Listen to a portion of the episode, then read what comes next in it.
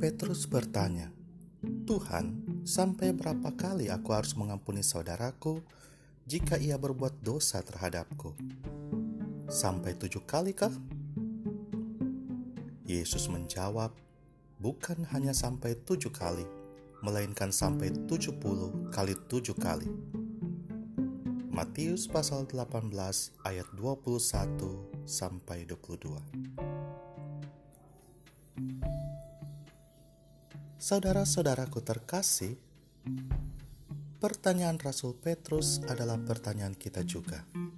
Jawaban Yesus kepada Petrus adalah juga jawabannya bagi kita.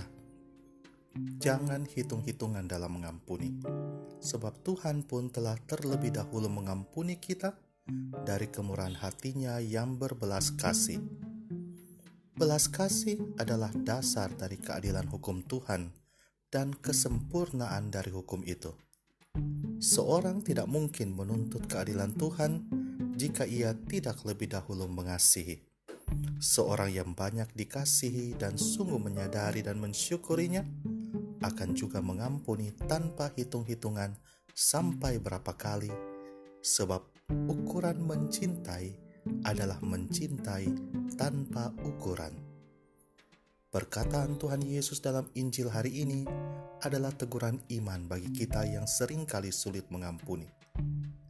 Hai hamba yang jahat, seluruh hutangmu telah kuhapuskan oleh karena engkau memohonkannya. Bukankah engkau pun harus mengasihi kawanmu seperti aku telah mengasihani engkau?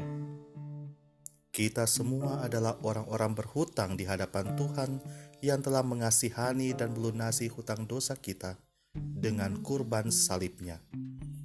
Maka, pengampunan adalah tugas ilahi dari Allah sendiri. Kasihnya mendesak kita untuk tugas suci ini. Ampunilah, maka kamu akan diampuni.